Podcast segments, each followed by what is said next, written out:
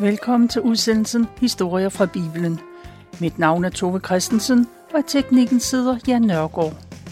I dag tager jeg udgangspunkt i noget af det, der står i første Mosebog i det gamle testamente. Og denne udsendelse handler om, at for Gud er alting muligt.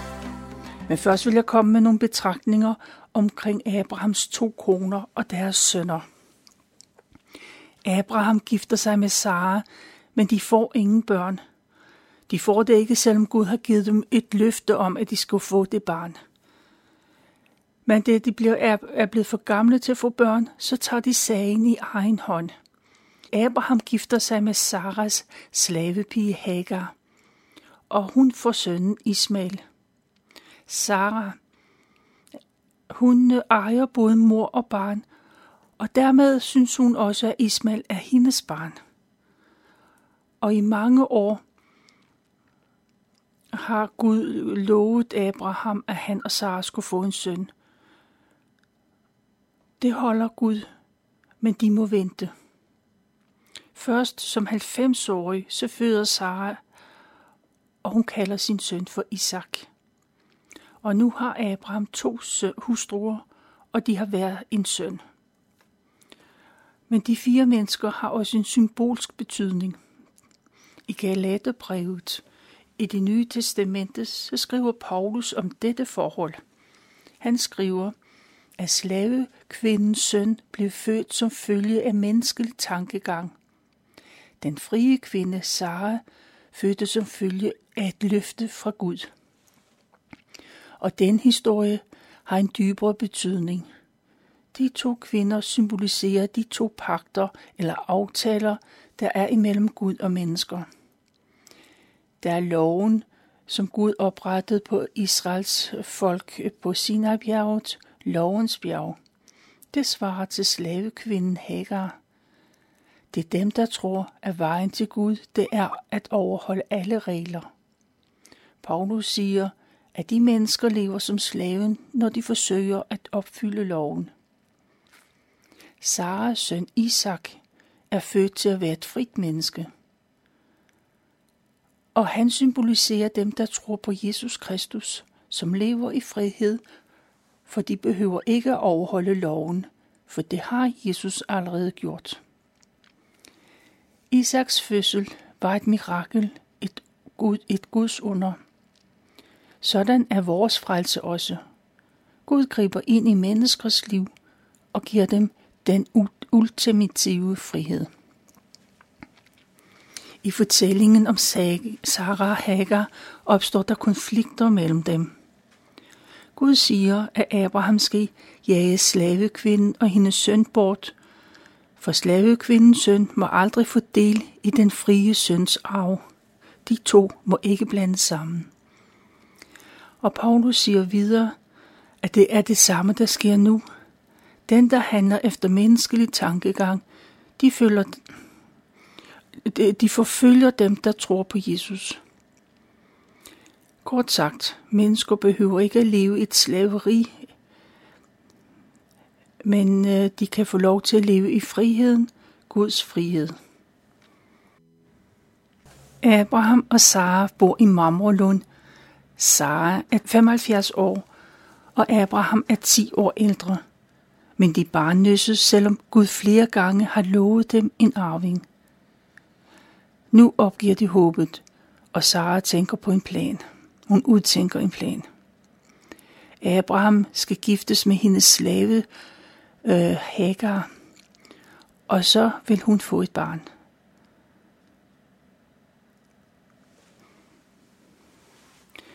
Og så er, er, er det hendes både mor og barn. Øh, og de bliver gift, Abraham og Hagar, og de får sønnen Ismail.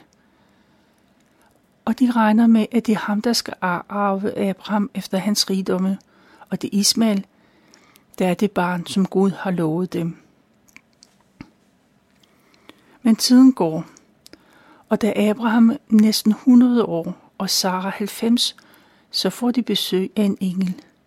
Englen fortæller, at næste år ved denne tid sidder Sara med sin egen søn på skødet. Kort tid efter englens besøg så rykker Abraham teltpælene op, de skal flytte. Abraham pakker sine telt og sine ting ned. Han har mange hundrede slaver til at hjælpe sig. Da alt er klar, så er der en lang karavane, der bevæger sig hen mod syd. Store flokke af får og geder og kvæg, de bliver drevet fremad. De mange kameler er tungt lastet med telte og hvad de nu ellers har.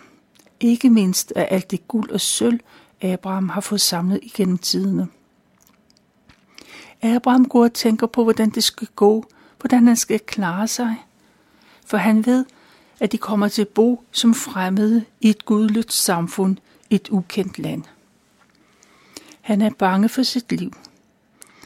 For Abraham forudser, at kongen i landet, de, han vil simpelthen blive slået ihjel, for så kan kongen tage Sara som sin hustru.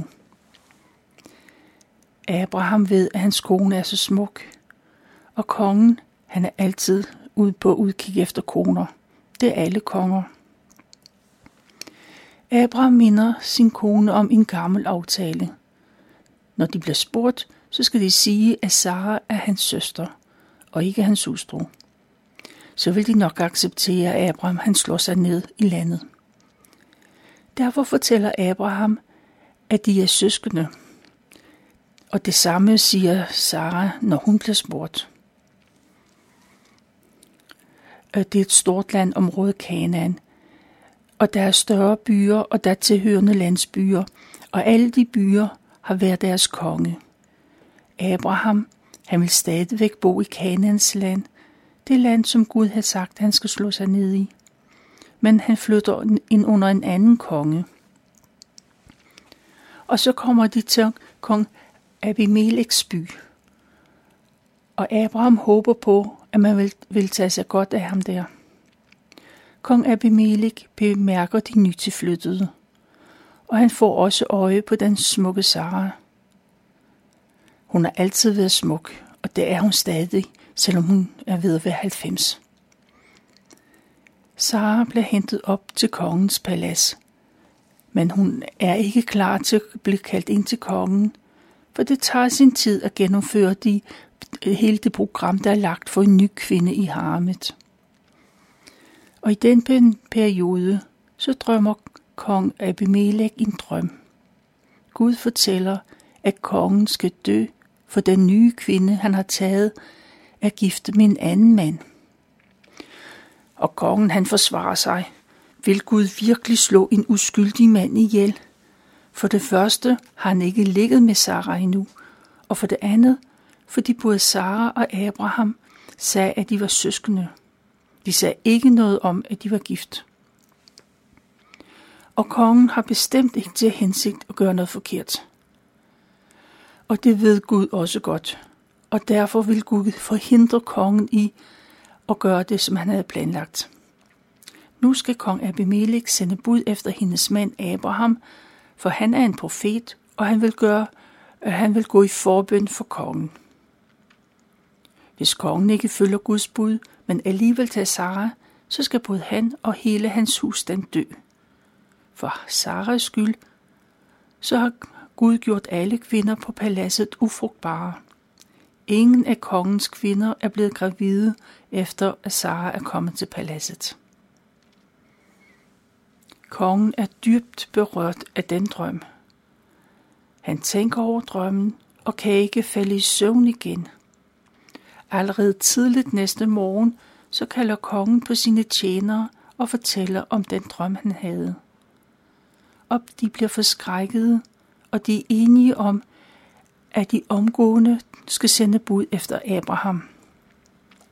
Og Abraham kommer op til kongen, og han må stå skoleret for både kongen og hans tjenere. Hvad har du dog gjort imod os, spørger tjenerne. Og også kongen anklager Abraham. Hvad har du gjort imod mig, siden du synes, at jeg og mit land fortjener dette? Hvorfor skal vi gøre så stor en synd, som det er at tage din hustru? Sådan noget burde slet ikke kunne ske. Hvorfor har du gjort imod os? Abraham forsvarer sig. Han fortæller, at han regnede med, at landet var et ugudeligt sted, og de uden videre vil slå ham ihjel og tage hans kone. Og Sara er virkelig hans søster. De har samme far, men de har ikke samme mor. Selvom de er halvsøskende, så blev de gift med hinanden. I dag kan vi synes, det er mærkeligt, at halvsøskende gifter sig.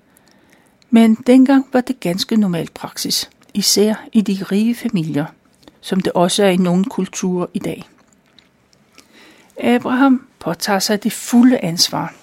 Det er ham, der fik Sara til at sige, at hun var hans søster. På den måde vil kongen holde sig gode venner med Abraham. Derfor giver han øh, Abraham rige gaver. Han får geder og får samt køer og slaver, både mænd og kvinder. Abraham får sin kone Sara med tilbage. Og kongen tager afsked med Sara og siger, at han har givet hendes bror, hendes mand, tusind sølvstykker. Så regner han med, at de er kvidt. Hun skal ikke klage. Abraham beder til Gud og går i forbøn for kongen, og Gud hører Abrahams bøn, og kvinderne kan igen få børn. Kongen viser sin gode vilje og beder Abraham, øh, han kan få lov, frit lov til at vælge et sted, hvor han kan slå sig ned. Uanset hvor i landet han vil bo, så kan han få lov til det. Abraham og Sara finder et sted, hvor de kan slå sig ned, og der bliver de boende. Og Sara bliver gravid, det som hun har ventet på et helt liv.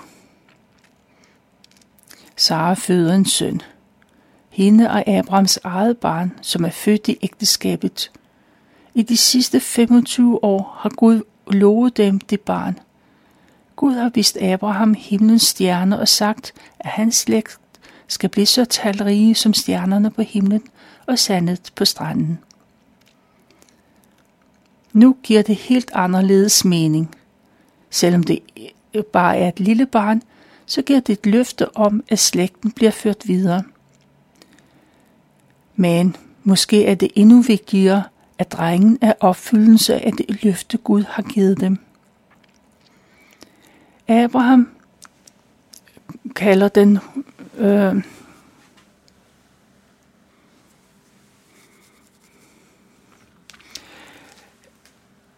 den 100-årige øh, far Abraham, han kalder sin søn for Isak. Gud pålagde Abraham, at han skulle omskære alle drenge, når de er syv dage gamle. Den dag Isak blev omskåret, er en særlig dag. Og den dag får Sara til at huske. Hun fortæller, at Gud havde fået hende til at le. Det skete året forinden, da en engel sagde, at hun skulle føde en søn. Hvem havde drømt om, at hun skulle få et barn? Ikke desto mindre, så sad hun med sin lille nyfødte søn. Sara og Abrahams glæde over barnet, det gør de hver dag, og stoltheden over ham er stor. Han vokser til, og han bliver snart så stor, så han skal vendes fra. Møder ammer deres børn længe, og Isak er faktisk nogle år, før hans mor slutter med at amme ham. Og det er en mærkedag, og den stolte far holder en stor fest i den anledning. Han er rig og behøver ikke at spare på noget. Men alt er ikke lutter idyll den dag, for der opdager Sara, at Ismail driller sin lillebror. Ismail, han er halvbror og barn af slavepigen. I mange år har Ismail været ene barn, og nu er der kommet en lillebror, der også får sin fars opmærksomhed. Sara ser, at Ismail driller hendes elskede søn. Og så går hun til Abraham og forlanger, at han skal jage Ismail og hans mor væk. De skal ikke have den af, de retmæssigt tilhører hendes søn, Isak. Abraham, han er ikke glad for det, han hører, for han elsker jo begge sine sønner. Og så ved han ikke, hvad han skal gøre. Han vil gerne føje Sara, for det er jo rigtigt, det hun siger. Det er Isak, der er arvingen. Men på den anden side vil han gerne være retfærdig over for Ismail og hans mor. og Abraham tænker på, hvordan han kan løse det problem, uden at gøre Ismail noget ondt, samtidig med, at han tilfredsstiller Saras ønsker. Og Gud siger Abrahams dilemma, og Gud taler til ham. Abraham skal ikke bekymre sig. Hun skal gøre, som Sara siger. Gud bekræfter endnu en gang, at det gennem Isak, at Abrahams slægt skal opbygges. Men Gud vil ikke forkaste Ismael. Slavekvindens søn skal blive til et stort folk, fordi han er Abrahams søn.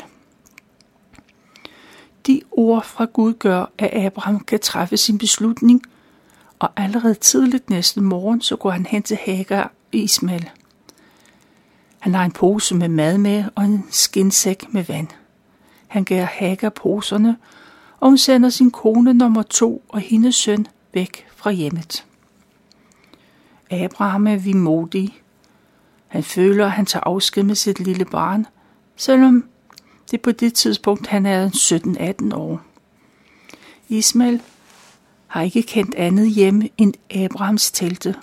Sara eller Hagar, hun har boet der siden hun var helt ung. Nu må de forlade det trygge hjem.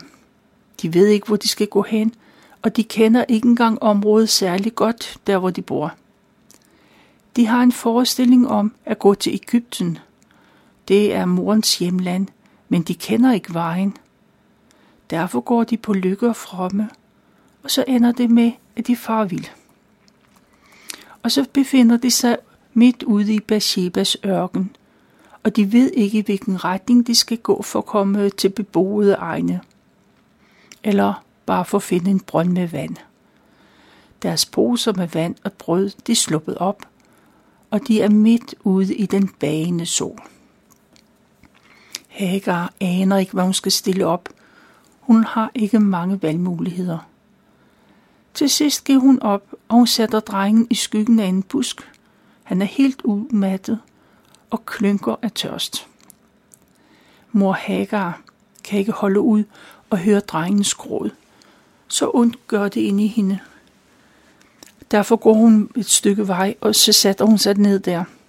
Hun kan holde øje med Ismail, men hun kan ikke høre ham. Og nu venter hun bare på, at de skal dø begge to. Hagar, hun kan ikke høre Ismails gråd, men det kan Gud i himlen. En engel råber ned. Hagar, du skal ikke være bange, for Gud har hørt drengens gråd, lyder stemmen. Hagar går hen og trøster drengen. Gud siger, at hans efterkommer skal blive som et stort folk. Dermed fortæller Gud, at de har en fremtid. De må ikke give op. Og lige i det øjeblik, så åbner Gud Hagars øjne, og så får hun øje på en kilde med vand. De er ved at dø af tørst lige ved siden af noget vand, men de ved det ikke. Hagar skynder sig at fylde vandsækken, og hun giver drengen noget at drikke, og hun får også selv noget af det livgivende vand. Og Gud velsigner drengen. De har reddet livet, og nu har de en fremtid, de har noget at leve for. De finder vejen igen og beboede egne. De slår sig ned i Parans ørken, og Ismail bliver en dygtig bueskytter. Og Ismails mor, hun finder en egyptisk pige, som Ismail bliver gift med. Abraham og Sara bliver boende i deres øh, telte. De bor der sammen med Isak. De er velhavende med store kvægflokke, mange forgider, for ikke at tale om alle deres slaver. Alt det, det er den tids statussymbol. Alle ved, og de kan se, at Abraham er en rig mand, selvom de ikke kender ham. Han er en mand, må man regne med, og som kan gøre en forskel på et tilspidset situation. Det ved Abimelech, og han handler efter det. Kongen ved det. En dag kommer kongen og hans herfører på besøg i Abrahams telt. Kong Abimelech siger, at der ingen tvivl er om, at Gud er med i alt, hvad Abraham gør. Det har han bemærket. Derfor vil kongen bede Abraham om, at han vil sværge i Guds navn om at være lojal over for kongen. Abraham skal være lojal over for kongen og hans land. Det land, som Abraham har fået lov til at bo i som gæst. Derfor sværger Abraham på, at han aldrig vil forråde kongen. Og de to mænd sidder og taler sammen, og så bemærker Abraham, at kongens folk har med vold og magt taget en af hans brønde. Brønde med vand i er livsvigtigt i det varme vand, det varme land. Det er der, man henter vand både til dyr og mennesker. Uden en brønd er man illestet. Abraham har mange dyr, der skal have vand hver dag. For en hyrder kan en, en brønd gør en stor forskel. Men kongen forsikrer, at han ikke ved noget om nogen strid. Han ved heller ikke, hvem der har ansvaret for det. Hvorfor har han ikke fortalt det før? Hvorfor Abraham ikke kom til ham? Og de to mænd, de finder ud af problemet og finder en løsning. Kongen og Abraham har indgået en pagt om at være allierede. Som tegn på den pagt giver Abraham kongen både for og køre. Men Abraham satte også syv lam til side. Hvad skal du med dem? spørger kongen.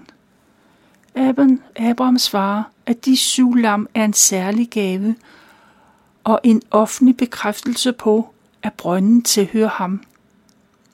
På den måde sikrer Abraham, at alle ved, at brønden er hans. For Abraham, han har både gravet brønden, og nu har han også købt den af kongen. Og da de har lavet den aftale, så vender kongen og hans herfører tilbage til filistrenes land, der hvor de bor. Men Abraham, han øh, planter en busk ved brønden, og han tilbeder Gud Herren, den evige Gud. Abraham bliver boende på det sted i lang tid. Men han bor der som en fremmed. Han ejer ingen jord, heller ikke nogen anden form for fast ejendom. Han bor i et telt, og dyrene græsser på de store arealer, der ikke tilhører nogen. Der var jeg valgt at fortælle fra 1. Mosebog kapitel 20 og 21.